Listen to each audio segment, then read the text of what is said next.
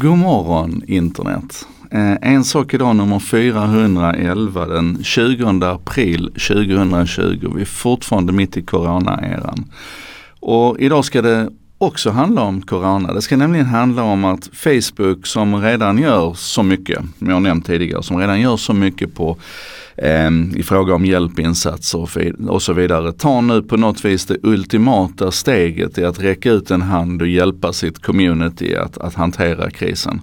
Eh, man tillför nämligen en kram-emoji. Ni vet de här reaktionerna som ligger under, eh, under Facebook-meddelande eller under Facebook-poster och kommentarer eh, och som också finns i Facebook Messenger. Man lägger till en ny emoji där och på, på Facebook på den vanliga plattformen så är det en animerad kram, deras vanliga runda gubbe som, som skickar en kram runt ett hjärta. Och i Facebook Messenger så är det vanliga hjärtat i så fall utbytt mot ett, ett, mot ett pulserande hjärta. Så det är två olika vägval man har gjort här, vilket i sig kan vara intressant att fundera över varför Facebook gör på ett sätt på, på sin stora huvudplattform och på ett annat sätt i Messenger, i det intimare Messenger. Jag, mycket, mycket att fundera över där.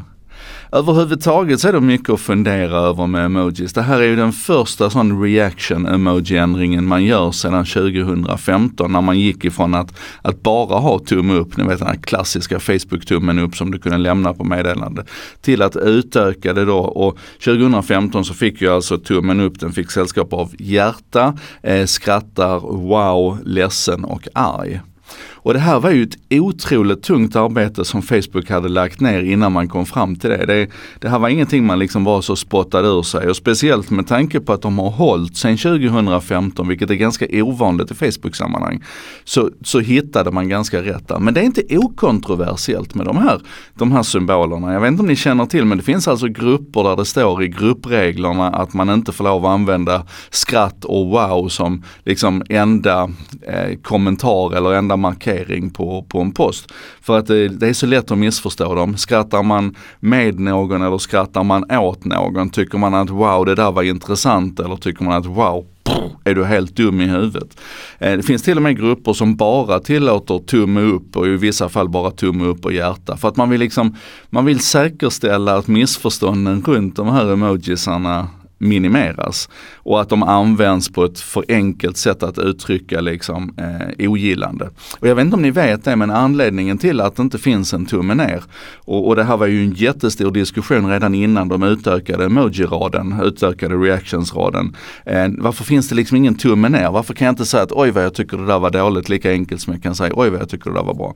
Och det är helt enkelt för att det ska inte vara lika enkelt att tycka att någonting är dåligt som att tycka att någonting är bra. Du ska kunna ge en snabb och enkel klapp på ryggen. Men om du vill kritisera eller tycka att någon har fel så skulle du vara tvungen att göra jobbet med att skriva en kommentar. Ni vet det är det här klassiska med att, att placera friktionen på rätt ställe.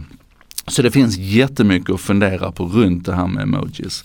Och nu får vi se hur den här kramreaktionen, eller som den heter på engelska, care, hur den kommer att tas emot och om den kommer att överleva förbi coronatiderna. Jag hoppas det. För att det är inte bara Facebook som har gjort en studie på det här nu och konstaterat att just hugg var det som de allra flesta efterfrågade som ett tillägg till emoji-raden. Utan jag tycker jag känner det också. Det är nog det vanligaste här, vanligaste reaktionen som jag skickar till folk nu. Eh, det är att jag försöker skicka sympatier och, och liksom så här kämpa. Eh, och ni vet det finns ju, när vi skickar giffar här nu som reaktioner också, så finns det en som heter Ghost Hug. Och har ni inte använt den så tycker jag ni ska gå in och testa testa och, och skicka den, den giffen som en reaktion någon gång. Den, texten är så här, um, you can't feel it but you know it's there och så är det en sån här animerad, ett animerat spöke som kramas. Den är jättesöt.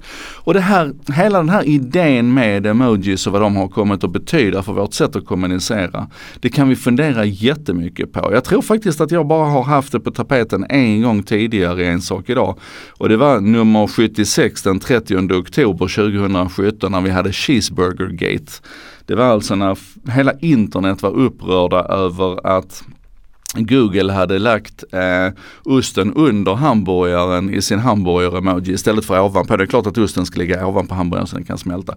Och det här blev ett jättepådrag. Lite humor naturligtvis men också faktiskt en, en riktig diskussion runt det här. Och Sundar Pichai, Googles VD, fick lov att gå ut och lova att han har det här överst på sin priolista och nu ligger osten på rätt ställe i Googles emoji också. Och på tal om det så kan det också vara värt att konstatera att de här emojisarna det är ju ingenting som varje tillverkare hittar på själv utan de ingår i, i, eh, i teckendefinitionen kan man säga. Det är alltså Unicode Consortium, de som sitter och bestämmer över alla våra teckentabeller. Det är de som också har en liten arbetsgrupp, den är inte så liten numera, som stoppar in de här emojisarna och definierar dem och säger så här ska de, eh, nu ska vi ha en, en pizza-emoji eller vi kanske ska ha en corona-emoji. Och sen så får då varje tillverkare göra en emoji baserat på den textbeskrivningen som finns. Det är därför de ser olika ut i en Android-telefon och en iPhone-telefon. Men de ska i regel skicka samma budskap. Och Sist men inte minst då så kan jag nämna för dig som vill gräva vidare i emojis att det finns alltså en sajt som heter Emojipedia. Du kan bara googla på Emojipedia. Så kommer du till en sajt där alla eh, emojis finns listade. Och där man då kan, kan se hur de ser ut på de olika plattformarna, plattformarna. Man kan läsa hur de rimligen ska tolkas, man kan läsa hur de brukar misstolkas. Man kan läsa om eh, eh just det här med där det finns skillnader mellan plattformarna som ibland stökar till det. Eh, varför Samsungs krokodil inte är en krokodil kan man läsa om. Eh, men du kan, också, du kan också använda den för att slippa trampa snett. Eh, och det finns till exempel en emoji som är en, en groda. Och den här grodan den har, eh, den, den har blivit eh, kallad för Pepe the Frog och kapats lite grann av eh, högerextrema kretsar. Och jag har varit med om ett par gånger där människor som kanske är lite mindre nätvana, nätvana har kastat in den där grodan in som en reaktion. Och jag har liksom känt så här, men nu måste jag kolla här, vet den här personen om att det här är, att det här är belastat eller tycker den bara att det är en gullig emoji?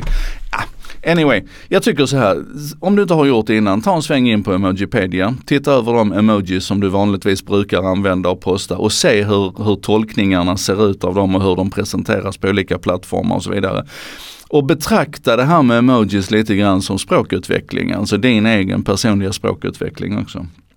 Um, Ja men det var det va och så tycker jag att vi skänker en tanke till, till Facebook för det här, eh, en, en tacksamhetens tanke. Jag gillar idén om att eh, på ett medvetet och välunderbyggt sätt ändå liksom försöka flytta fram positionerna på så många områden som möjligt och göra så mycket man kan för communityt där ute.